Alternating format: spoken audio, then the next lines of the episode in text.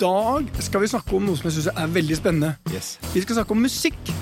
Og da kommer jeg på at i eh, 1986 så kjøpte jeg min første Walkman i Hongkong. Den gule Ja. Sony. Jeg lurer på om den første Jeg var usikker, jeg hadde en gule også, men jeg lurer på om jeg kjøpte en som var før det. Okay. Og da kom jo altså ehm, da, Og da husker jeg eh, enda litt tilbake fra det, så lytta jeg på noe som het Radio Luxembourg. Lytta du noensinne på det? Ja, Radio Luxembourg, det lytta jeg mye til. Jeg husker jeg satt med kassettspilleren min klar med pekefingeren og langfingeren på play og record-knappen. Hvor det kom en god låt, og så bare trykka jeg på den. For å liksom ta opp gode låter. Det var jo gjerne sånn man fikk tilgang på ny musikk før i tida. Men det interessante her er følgende eh, hva som skjer. For hadde noen sagt til meg i 1986 du kommer til å sitte her med en eh, tidligere redaktør i E24, og du kommer til å diskutere at dette forhistoriske greiene du holder i handa nå, det er så avleggs. Det som er nå, du kommer til å ha en telefon som i størrelse er litt større enn et kredittkort. Der kan du altså få tilgang til millioner av eh, sanger på noe som heter Spotify. Du kan se på TV. Du har et videokamera som er bedre enn det du har med deg nå. Du har et fotoapparat som er mye bedre enn det du har med deg nå.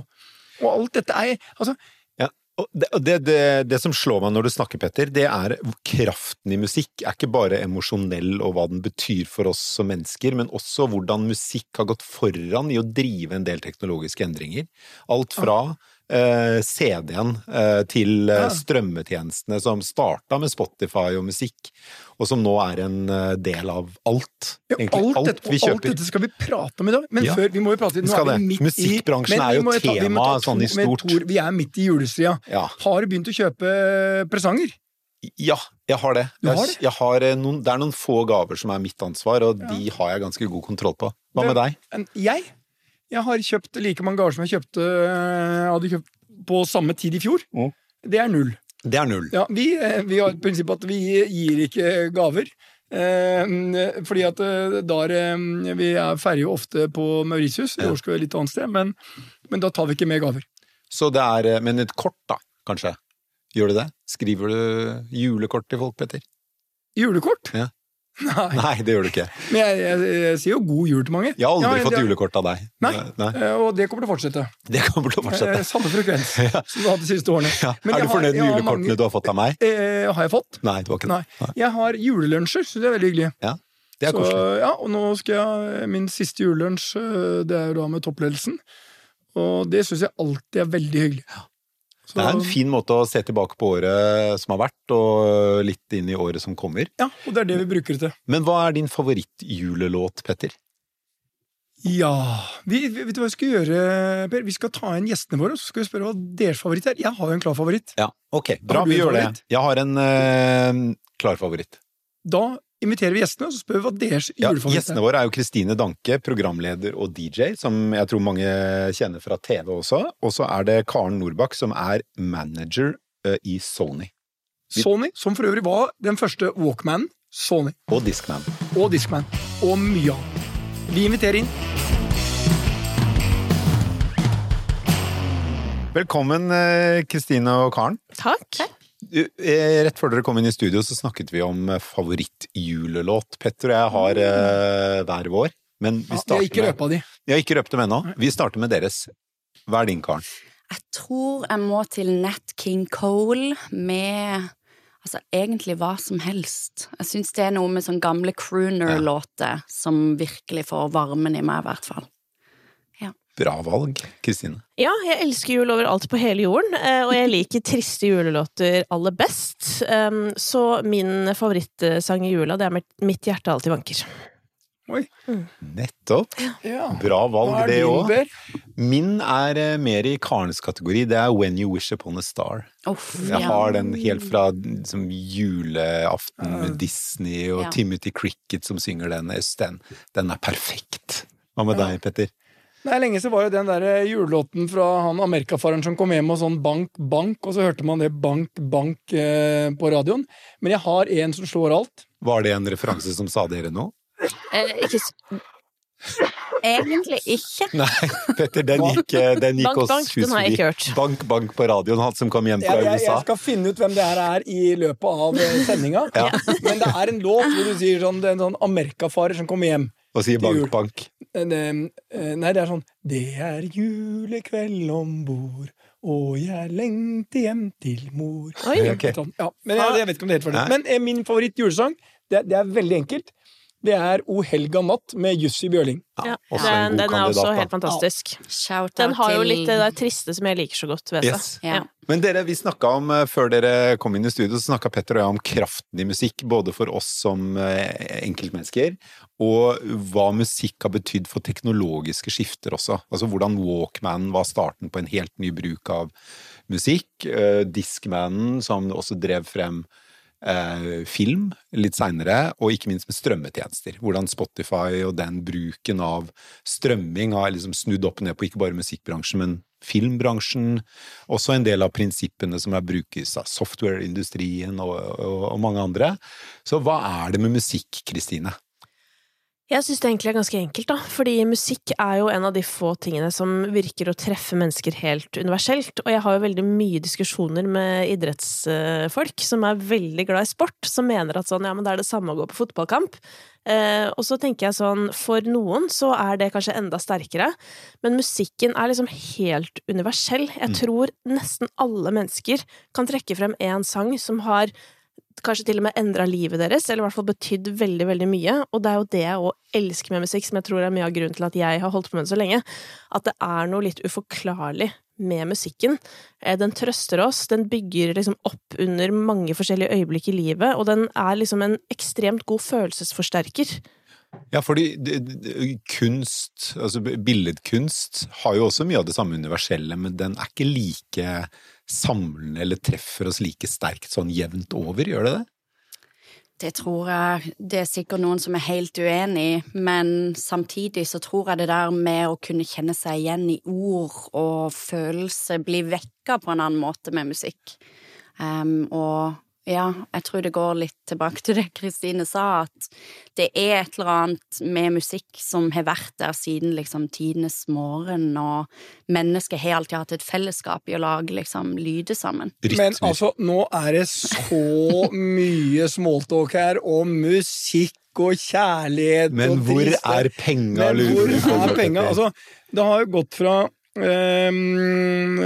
Vi snakka om strømmetjenester, og før så solgte man jo altså Plateselskapene solgte CD-er og vinyl og alt mulig, tjente masse penger på det.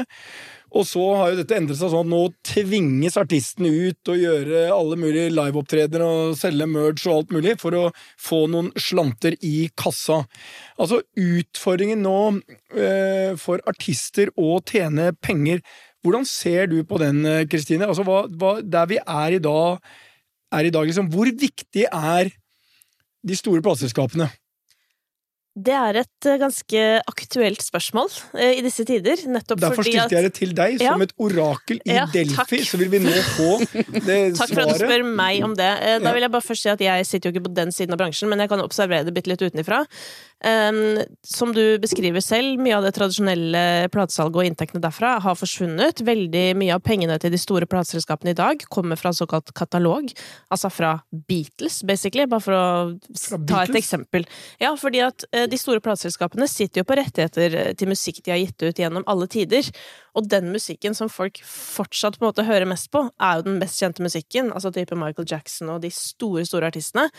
Så de er jo med på på mange måter å finansiere eh, plateselskapene sin drift i dag. er det strøminntekter fra den katalogen? Er det Det er det, vel som alt gjør eh, slags mulig inntekter fra det Altså Alt. filmer, eh, reklamer Altså alt de sitter på rettigheter av, da. Mm. Sånn at i dag, da, eh, når eh, Det er veldig sjelden at en artist blir så stor som de største eh, fra deres ungdomstid, holdt på å si. Eh, hvis det er lov å si. Det Og da, ja, men jeg så det rynka i Per nå. Du Altså, var, eh. Men selv, jeg kan si, si fra, fra min ungdomstid også, det går ekstremt lenge mellom hver gang det kommer en sånn type artist, som betyr igjen at eh, veldig få artister vil nå opp til et nivå på strømming hvor det i seg selv er nok til å leve av. Og eh, Karen, var det ikke sånn at det er ca. 60 000 kroner per million stream? Jo, det er riktig. Ikke sant? Og da er det 60 000 per million stream som skal fordeles på alle som sitter på rettigheter i det enkelte prosjekt. Dette er på mange måter småpenger. Og én million stream, det er jo ganske mange streams. Det er ikke så mange artister som har det? Er det? Nei, og særlig i et marked som Norge, så er det på en måte veldig begrensa hvor mange streams du kan få. Vi er jo ikke veldig mange mennesker i dette landet. Så hvis du er en norsk artist, så kan du egentlig bare glemme det å prøve å leve av musikken din på, fra strømmetjenester? Jeg tror fra strømmetjenester så er det nok vanskelig, Mm. men begynner ting på en måte ruller i sånne tall som er undergrunn eller Balenciaga, så har du sikkert en god inntekt som på en måte bare ruller og går. Og så går jo òg den inntekten altså i 15 år og pluss. Det er jo det. Så, Dette ja. er jo penger som, som, altså, som for hver gang noen strømmer låta for alltid, på en måte, så lenge du sitter på rettighetene. Men her er vi jo tilbake til det spennende med plateselskapene og penger. Eh, de artistene som nå ble nevnt, er jo artister som stort sett sitter på store deler av rettighetene til musikken sin selv, som får faktisk mesteparten av disse pengene. Og penger fra radiospilling, for eksempel. Det er det de kaller som- sånn indie-labels. Ja, det gjør det. Og så bruker de gjerne de store plateselskapene til å distribuere musikken, da, sånn at den når ut på alle mulige plattformer. Så et visst samarbeid er det der, men artisten som ikke velger å signere med stort label, sitter jo igjen med mesteparten av kaka sjøl, og fordi veldig mange av disse artistene er store på TikTok eller Instagram eller har egne private kanaler, så tenker jo de som så, hva skal jeg med plateselskap? Fordi det de gjerne kunne hjelpe til med før, da det var et eh, mindre demokratisk musikkmarked, det var jo at plateselskapene kunne si dette er de ti artistene vi satser på i år, vi bestemmer at disse er bra, de skal du høre på, og gjennom den makta de hadde, så hørte vi faktisk på det, for det var det tilbudet vi fikk. Så hva, du, du hva skal vi med Karen Ja. nå rett Ja, inn i Hva, hva skal vi med. Sony-karen? Vet du hva? Da ble Sonny helt irrelevant i fremtiden. Det var jo voldsomt. Jeg vil Bare på ta på deg Sonny-hatten nå. Ja, jeg er klar. Jeg tror en av de store forskjellene er at de artistene jeg jo nevnte, er artister som har for eksempel distribusjonsstiler med Universal. Det er folk som har tilgang på studio, de har tilgang på altså undergrunn.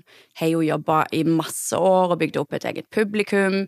Så jeg tror det kommer litt an på hva slags artist du er, og så er det jo ikke sånn at alle artister trenger et label. Og det helt Altså, det er jo valgfritt om man vil inngå et samarbeid, men jeg tror hvis du er en artist som ser at du har lyst til å ha et team på 30 personer versus to, og du kanskje ikke har lyst til å gjøre din egen promo eller sette opp koordinering om musikkvideo, så kan det være veldig lurt å ha et label Men og svare med. vi, med. Karen, vi møtte deg for eh, var det en uke siden, eh, hvor du sa at eh, det å velge plateselskap for mange, det er å velge selvtillit. Jeg tror det var noe sånt du sa. Ja, jeg syns det er veldig interessant hvordan veldig ofte så er et label et organ som på en måte gir eh, selvtillit til artist på Altså, vi er flinke til å legge fram forskjellige scenarioer på hva er best å gjøre med denne låta, hvilke låter burde du gå for. Eh, veldig ofte tror jeg artister har lyst til å sitte og lage musikk versus å tenke på å slippe det. Um, og så kan vi på en måte komme inn og ja, ta litt over etter den kreative prosessen, da. Og bidra med det vi er flinke på, som er liksom strategi, eh, hvor, når, hvordan. Um, og være det som fasiliterer alle de tingene rundt, da. Det, det som bare er eh, spennende, da, er jo at når vi Når det høres ut som jeg på en måte kaster Karen under bussen her, og så- Ja. at plateselskapene har det vanskelig, eh, det stemmer jo ikke helt. For det er jo hele musikkindustrien har det vanskelig, eh, på en måte, eller har utfordringer. Fordi igjen, mange av de tidligere inntektskildene er borte. Ikke sant? Så hva skal vi leve av nå? Jo, vi må leve av live. De må i mye større grad ut og jobbe, ikke sant? Og jeg føler sånn jeg, Som er ganske bra. Ja, på en måte, men det er jo litt sånn, jeg føler jo at i alle bransjer så ser man jo etter liksom, å, noe som er skalerbart, men som ikke krever at du møter opp til enhver tid. Eh, Det er jo artistlivet i, eh, i ferd med å bli altså det stikk motsatte av.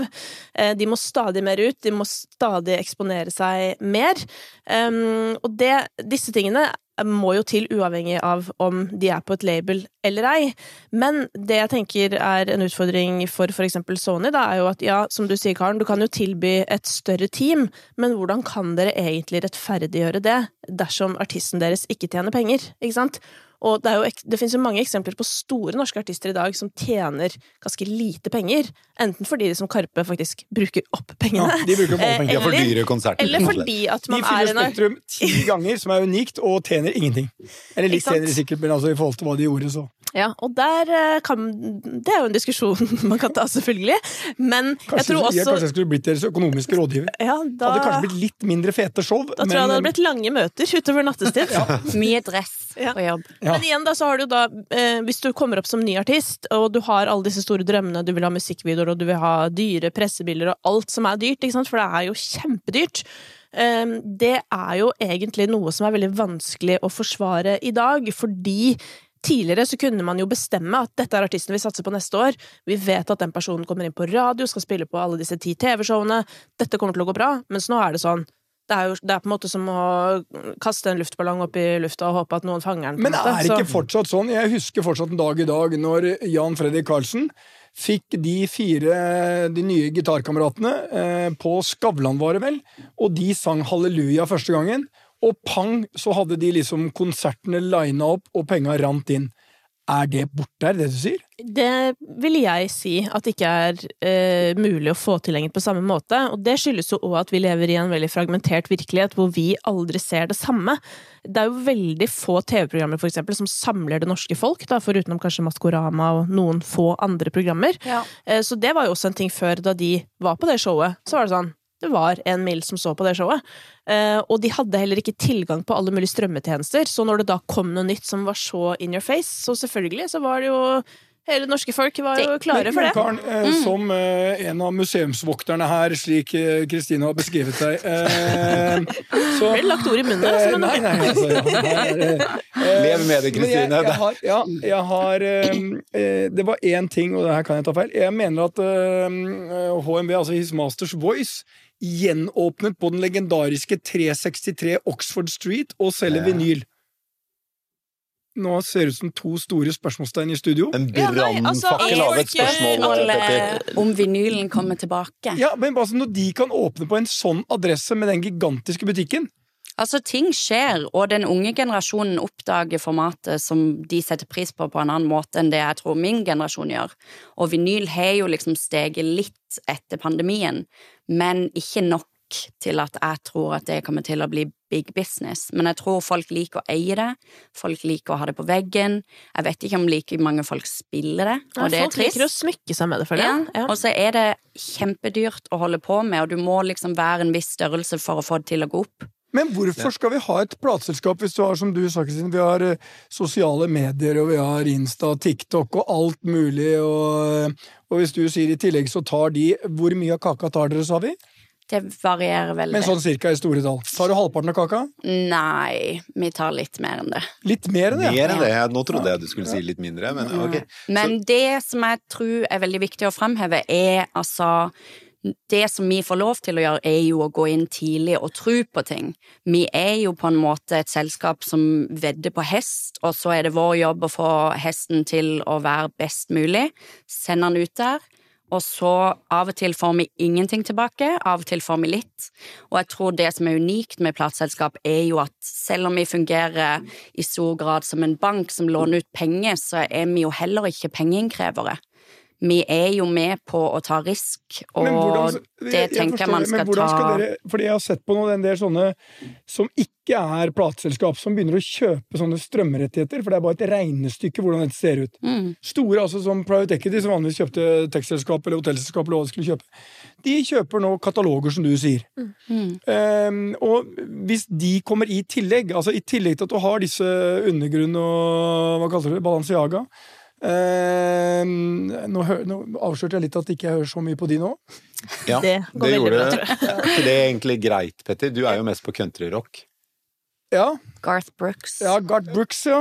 Men, ja eh, Hellbillies, masse bra norske òg. Okay, men eh, sånn, eh, jeg lurer på hva Hvis man er en, eh, en artist i dag, ung artist, og ønsker å satse, hva, hva skal til for å lykkes? Må bra musikk da i bunn, og det syns jeg er veldig deilig, da. At eh, i bunn og grunn, du må gjerne snakke om alle mulige strukturer og alt som skal til, og PR-byråer og TikTok og tjo og hei, men det skal veldig mye til å skape Altså sånn, du får ikke til en langsiktig karriere uten at det er på plass. Nei. Altså, Så- er dette sant? Ja, det er helt sant, men det Altså, ja, gjelder men ikke for ja, enkelte. men altså, altså, Mats Hansen fikk en nummer én-hit med Sommerkroppen, og fikk vel en Spellemann for det òg, til veldig mange store sjokk. Eh, det kan man få til med plattform og alt det der. Du kan ha en men du one får hit ikke wonder, til, men ja, ingen du får ikke til karriere. en langsiktig karriere ok, men så- selge ut Men Oslo Spektrum ja, men la oss gå forbi, jeg ja, men- har et- men- spørsmål. Jo, men Petter, vent litt nå, fordi jeg vil gjerne bare da skjønne, bortsett fra musikken, at den må være god. Hva annet trenger man for å lykkes i musikkbransjen i dag? Jeg tenker at man skal òg definere litt hva er suksess. Er suksess å bli størst Hvis du tenker at det er å selv, tjene masse Ja. penger, da. Da tenker jeg at du skal Altså, det er et sjansespill, og det er veldig ofte en bonus å få suksess. Jeg tror alt du kan gjøre, er å liksom lage det beste grunnlaget. Ha, altså, ha en visjon, ha bra musikk, vite hvorfor du lager musikk, tenke på hva du faktisk har å si, eh, og så håpe at det når fram til folk. Og veldig Samtidig- mye av ja. det vi faktisk gjør, er jo å prøve å nå fram til folk. Mm. Jeg tenker jo også at det finnes jo noen eksempler på noen dagsaktuelle artister som har gjort dette veldig bra. For eksempel Ramón, da, som har musikken i bånn. Han har holdt på en god stund før gjennombruddet kom. Eh, er i tillegg veldig god på sosiale medier. Han er artig, gøy, har på en måte hele pakka. I tillegg til at han faktisk er med å liksom pushe musikk litt fremover, fordi han utfordrer det vi er vant til å høre. Mange av sangene til Ramón, og hans største hit spesielt, er ganske rar. Og en låt som jeg tror at hvis du hadde fått høre den for første gang hjemme sånn, ja, hva tenker du om det her? Så hadde du sikkert syntes den var fet, men jeg tror du aldri hadde sett for deg at den kom til å bli så stor. Den slo jo norgesrekord i mest streams på ett døgn, med nesten 600 000 eh, avspillinger. Eh, og det også er sånn, det er jo det jeg elsker, for det Og er da sånn fikk han da 36 000 kroner, eh, og hadde han også det Ja, han fikk nok ikke det heller, fordi igjen- han er jo- Han er jo signert, så han fikk Han fikk fikk sikkert igjen med ikke 10 så mye. 000-12 000 kroner for Men- århundres suksess. Og en karriere. Ja, men tingen er at jeg tror, for å forsvare plateselskapindustrien litt grann her, så er det jo, eh, sitter det jo ekstremt mye kompetanse der. Og det er som Karen sier, at hvis du er en artist som ikke har de evnene eh, som kommer helt naturlig for Ramón, eller Mikkel Kristiansen, et av medlemmene i Broiler, som er en av Norges beste innholdsskapere. Han er helt fantastisk, uansett om han lager innhold om bilen sin eller huset sitt eller musikken sin. Sånn er ikke folk flest. Altså, de er jo unike til og med der. og hvis man ikke har det, så er det jo ganske nice å ha et plateselskap som sitter på ekstreme mengder med statistikk og innsikt i eh, målgrupper, hva slags type innhold som fungerer, og liksom Ja, alt. alt det der er fint. Men eh, når dere prater nå, kommer vi ikke dit at uh, du får sånne låter nå som er lagd av en uh, avatar, uh, en AI, som har lagd musikken helt perfekt. Beatles lagde jo en ny låt nå, basically AI-teknologi. Så får du det, og så får du noen som er gode på å produsere dette på Insta og TikTok og what not. Kommer ikke dette? Det kommer jo, men jeg tror, det ikke det kommer til å, jeg tror ikke det kommer til å liksom ta over. Jeg tror det kommer i tillegg. Jeg tror det er innovasjon, og det skjer jo på, mest på businessfeltet, tror jeg. Og så tror jeg de tingene og casene man ser i musikken, må på en måte et nivå opp for å bli relevante lenger enn en døgnflue, på en måte. Jeg tror man så det litt med Oskar Westerlind, som hadde på en måte planer om å legge ut masse AI-låter, og så gikk det veldig bra med første, for det var på en måte litt Altså, det var e- en event, og så tror jeg det er vanskelig å følge opp hvis ikke du faktisk har et poeng med det. Eh, og jeg tror man trenger alltid det menneskelige i musikk, eh, så det blir spennende å se hva som kommer. Men, Men ja. fordi på Spotify så tror jeg det kommer ut altså mange titalls tusen nye eh, kunstig intelligensproduserte låter i uken. Jeg tror de slipper så mye som 100 000 per dag nå, Er bare det vanlige låter. Ja, det er Men AI-generert AI. ja, AI-generert er jo fortsatt mindre, Ja. men jeg tror en av de største utfordringene som Spotify kommer til å få, og alle streamingtjenester, er jo det der med å fordele Skal en person som sitter hjemme og lager white noise, altså bare Du hadde så bra eksempel på White lyden noise, sist. bare for å forklare. Det Ja. er mange av våre lyttere som ikke Ja. vet hva det er. Det er en lyd som er litt sånn Som gjerne er i gamle dager, da, når skjermen ble sånn skurrete. Da kom det ofte white Snø noise. på skjermen. Ja, så det er den lyden, og det hjelper babyer å sove. Kolikkunger, eh, eh? Ja, det er mange babyer som responderer veldig bra på det, og bruker det til innsovning. Så Så, altså veldig mange noen- foreldre setter på white noise i en halvtime, da. Er det sant? Ja. Og da kan du tenke deg, apropos kjøpe opp katalog, det er bare å kjøpe på med white noise. eh, Ja. sånn eh, sovelyd. Ja. Ja. Men altså, det, det, det er som sånn meditasjonsmusikk, eh, men på eh, helt nivå én. Ja, Ja. absolutt. Jeg tror det blir en kjempestor utfordring for vår bransje. Og så blir det alltid motreaksjoner. Jeg tror særlig plateselskapene kommer til å jobbe veldig hardt for at altså de som sitter og bruker årevis på å lage albumene sine, skal virkelig få det de fortjener for det, da. Ja, men du kan jo ikke begynne å si nei til hvis noen vil liksom lytte på sovemusikk. Eller sove, sovelåter. Nei. Men jeg tror kanskje man må ha en annen forretningsmodell for noen av de låtene.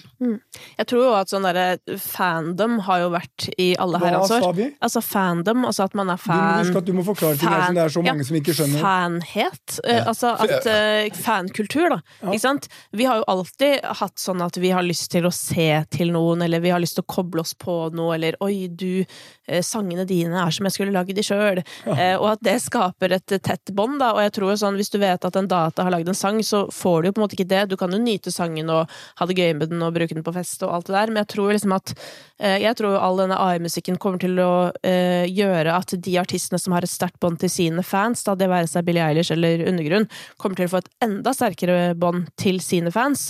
Eh, det tror jeg virkelig. Og det som igjen blir utfordringen, da, blir jo da artister som kanskje i større grad sliter med å lage et community, eller ha den forbindelsen til fansen sin. Det var jo for eksempel da Sondre Justad fylte Spektrum eh, i fjor, så lagde jo han en sånn eh, Første billetten til Spektrum ga han til en fan.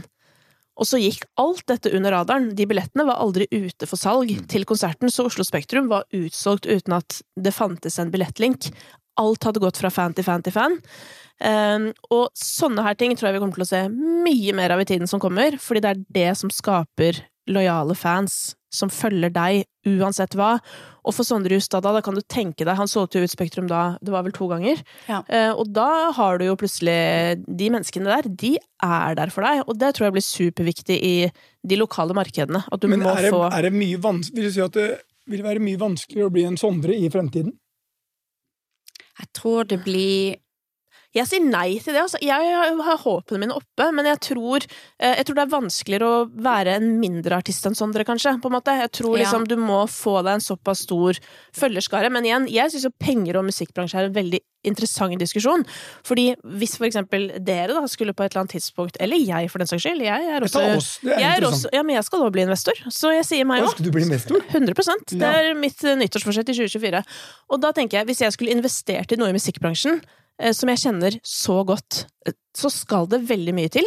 For igjen, jeg, ser, jeg sliter litt med å se sånn Ja, det er noen millioner her og millioner der, men hvor er det virkelig store? Hva er det vi kan jobbe med for å gjøre prosjektene større enn de er? Og det tror jeg på en måte ikke vi har funnet ut av enda. Det er veldig lett å tenke at artister skal bli influensere og liksom, du vet, lage sin egen gitar eller eh, lage for- sin egen pizza, så liksom. Men jeg vet ikke om det heller er Det vi så av strømmingen var jo at eh, det, det ble færre av de virkelig store, store artistene, men Ja. de som ble, eh, var skikkelig store, de, eh, de er kanskje enda større i, i dag Ja. enn en det var før. Fordi det er færre av dem, og de kan virkelig Det er liksom winner takes it all-marked blitt i større grad, da. Og så er alle de i midten, de, er det, de har kanskje en one hit wonder, og så glemmes de. Og så har du de der smale nisjene, eh, så, hvor man kan virkelig lykkes også. Men da selger du kanskje Eller da blir det kanskje eh, 500 000 downloads da, i, i året, men du kan tjene godt på Og måter. det er jo vanskeligere andre i måter. lokale markeder, ikke sant? Ja. Mens internasjonalt så er det jo Da kan du eh, på en måte lage en sustainable fanbase, men så tror jeg liksom du må bare skape andre bein å stå på, da. Ikke henge så veldig mye på den streamingdelen, og heller fokusere på live og merch og Altså, det er jo så mye man kan gjøre hvis man bare er kreativ. Men hvis jeg skulle gjette hva, hva kunstig intelligens kommer til å si for musikkindustrien, så tror jeg det er at de store artistene blir enda større, for de får en ny mulighet til å distribuere sitt brand, sin Mm. musikk, sine konsertopplevelser, sin stemme, eh, på, på nye måter som vi kanskje ikke helt klarer å se for oss ennå. Og så Men at de treng- kan Og så trenger de jo ikke nødvendigvis å være i studio for Nei. å spille inn. Altså, YouTube har nettopp lansert en ny plattform der du kan bruke artistene sin stemme, og man har lisensiert rettighetene til stemmen sin. Og jeg tenker jo at Altså, hva, hva betyr det? Det betyr at de har på en måte sagt at du får lov Du kan gå inn på YouTube og lage en video og legge på stemmen til Charlie Puth, for eksempel, og så kan du gi det ut som din egen låt og bruke det i dine videoer. Og det åpner jo ei helt ny dør av muligheter, men jeg tenker òg at det må, være, altså, det må bli viktig for artister å ikke vanne ut sitt eget brand, for vil du egentlig være på alt? Men der Vil er du jo, være hvis- tilgjengelig? Hvis eh, Kristine Kristine og Petter hadde kjøpt disse streamingrettighetene, da har vi rett også til å bruke den kommersielle liksom, eh, er nok- muligheten som ligger i det. Det er nok avtaler i plass som passer på at du ikke kan gjøre det på alle plattformer, men på de YouTube-videoene så kan du lage egne sanger. Altså bruke ChatGPT for eksempel til å skrive tekst, Ja. og så kan du bruke vokaler derfra og ja. Jeg satt i en middag i Sverige. Der var det en som lagde meditasjonsmusikk, hadde knekt koden for noe helt spesielle greier. Var eh, gigantisk i USA. Han får da inntekter på 7-8-9 millioner, sterkt voksen i året eh, på dette, og hadde fått tilbud av noen skulle kjøpe dette. En sånn. Eh, Han kunne jo mye om eh, meditasjonsmusikk, ingenting om økonomi. Og jeg kunne jo fort si til han det må du ikke finne på å gjøre, kanskje jeg skal bli investor hos deg isteden. Og jeg kan ta den dealen i morgen, for det var bare et regnestykke av en fremtidig kontantstrøm. Ja. Tror du ikke at det kommer inn da nye aktører som vi har et helt annet forhold, som ikke har det derre musikk og det er viktig og alt det kulturelle rundt musikk, som bare har en ytterst kommersiell liksom sånn som sier 'vi skal ha rettigheten til å bruke'. Hva Jo, kalte du han duden? Charlie Eh, Charlie Puth. Akkurat. Bruker Charlie Puth. Vi eier eh, katalogen din, og vi gjør hva vi vil med den. Jeg tror det som er mest skummelt av og til med musikkindustrien, er at det er en av de eneste in- industriene du ikke trenger noe utdannelse for å si at du er ekspert i. Så jeg tror veldig mange av aktørene som kommer inn nå, og særlig de unge, Hvorfor skal de gidde å bry seg om rettigheter? Jeg tror særlig i liksom, miljøet som lager sjangere som ligger mye på internett, som funk for eksempel, så bruker de bare det de vil som de finner på internett, og så legger de det ut, og så hvis noe blir stort nok til at et label kommer inn og skal ha rettighetene sine, så tar de det ned, eller så sitter de på de pengene fint lenge til, til noen merker det. Så det er det blir et marked som trenger flere kontrollører, på en måte. Men jeg må også bare si at sånn, plateselskapene er jo børsnoterte selskaper, gjerne. Sånn at de, den tankegangen er jo allerede gått i veggene. Holdt på å si. Ja, men de er organisert på en helt annen måte. Jo. Som du akkurat beskrev, at de har et stort byråkrati, de har mange mennesker som jobber på dette. Her kommer det inn noen som bare kjøper altså den fremtidige Ja, kontantstrømmen, da. Men, eh, skulle, men jeg er nysgjerrig på sånn eh, Hvis dere skulle investert i noe som har med musikk å gjøre, da, i det lokale markedet her i Norge, Ja. hva ville det vært? Jeg ville, jeg ville kun sett på liksom, hva er kontantstrømmen i eh, strømmeinntektene. Mm. Hva kan vi få av det? Og så ville jeg gitt det en eller annen sannsynlighet for hvordan dette vil utvikle seg. Basert på øh, den historien som ligger der. Og så ville jeg bydd på det. Og da kunne jeg sikkert betalt fem, seks, sju ganger den inntektsstrømmen. Og for meg nesten ingen administrasjonskostnader. Du får eh, penga fra Spotify eller andre, og litt kanskje fra NRK eller og noe. Det, er sikkert, det finnes jo selskaper som eh, regner på dette, og som Ja. sender av pengene. Så det er ganske Tono sender jo ja, avregning fra diverse. greier. Så, så dette er ikke så veldig komplisert. Du, det betyr Jeg trenger ikke kunne mye om musikk. Jeg kunne kjøpt katalogen til Sissel Kyrkjebø og sagt at den gir så mye i året, og det er forventa at den fortsetter å gi så mye i året. Katalogsalg er jo noe vi også gjør masse, og jeg Ja. tror det blir mer og mer populært. Men samtidig så tror jeg at hvis ikke man forvalter den katalogen, så er det jo vanskelig å få den til å vokse. Eh, og det er òg altså, en veldig stor del av det et stort plateselskap driver med. Jeg med. syns det er veldig vanskelig å svare på det spørsmålet ditt, Kristine. fordi det er, hvis man var noe i nærheten av å gjette riktig på det, så ville man gjort det for lengst og blitt Ja. milliardær om fem år. Men, Ja, men eh, det Ikke er milliardær, kanskje, men Ikke milliardær, ikke på det lokale markedet, tror jeg. Nei, ikke på det lokale markedet, men Nei. altså, man kunne sett en mulighet som var så stor at du ikke bare ville tenkt lille Norge, men, men Ja. internasjonalt. Men jeg er jo veldig, jeg er jo utrolig fascinert av det at man har begynt å kjøpe stemmen til folk, og tenke hvordan man kan bruke den i andre sammenhenger. Hvor mye tror du stemmen din er verdt? Det er neppe veldig mye, men jeg tror Morgan Freeman, som har solgt sin stemme, den tror jeg han fikk ganske mange millioner dollar Har han for. solgt stemmen sin? Han har solgt stemmen sin.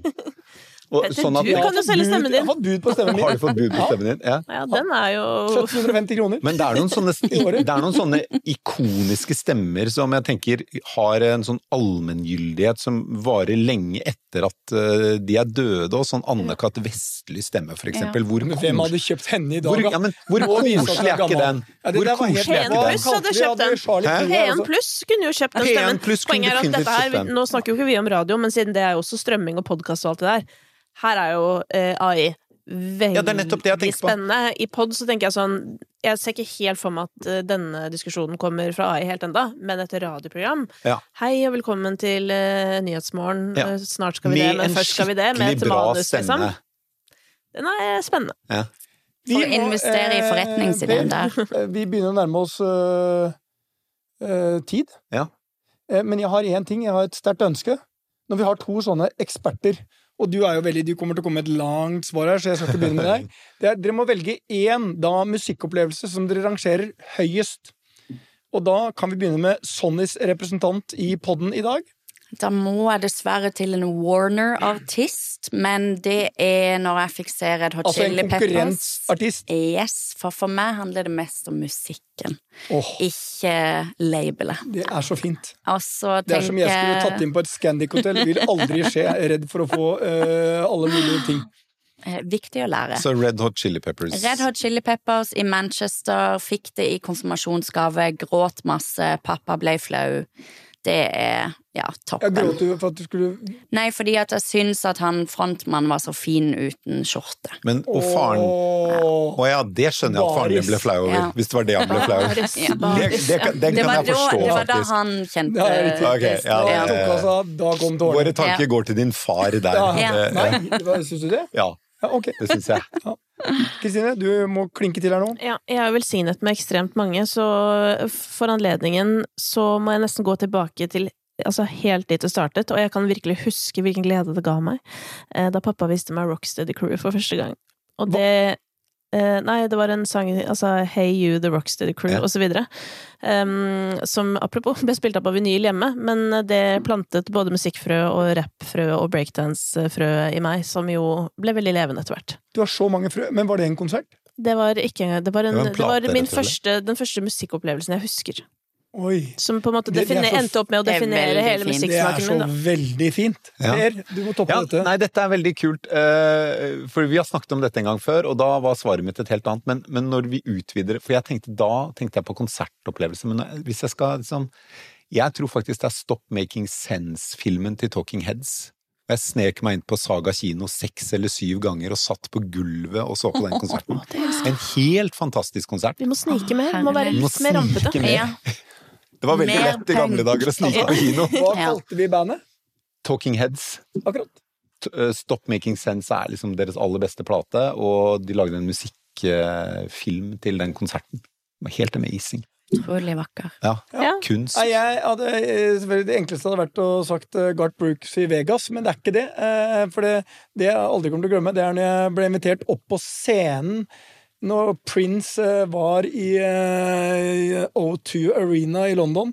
Så vippa han opp fem-seks på scenen, og det var fire-fem damer. Og så var det én uh, mann, og det var meg som kom der. I lilla dress, ikke sant? Nei, jeg hadde med meg en uh, purple uh, eh, skinnjakke som jeg hadde kjøpt faktisk på Harrods eh, i kjelleren der samme dag. Det er flott. Eh, ja, det var og dyr var den. Eh, men da var jeg der, og alle de andre gikk av scenen. Jeg tenkte her er jeg én gang. Sto der til det var nesten lyset gikk. Da var jeg aleine igjen der. Tok en liten flikkflakk på slutten. Uh, uten lys. Ja. Men heldigvis, for ingen har trodd på historien, så var det en som satt på rad 127 som tok et bilde. Og da ser jeg at jeg står der rett ved siden av Prince. Bra konsertopplevelse. Jeg lever lenge på den. var, jeg var ganske høyt oppe når jeg gikk ut fra det, den, den arenaen. Så god musikk, det kan man eh, leve lenge på. Enten man har på seg rosa, nei, lilla skinnjakke med Prince, eller hører på Rocksteady Crew. Absolutt. Absolutt essensielt. God jul, da, dere! God jul, da, dere. Kose dere. God jul.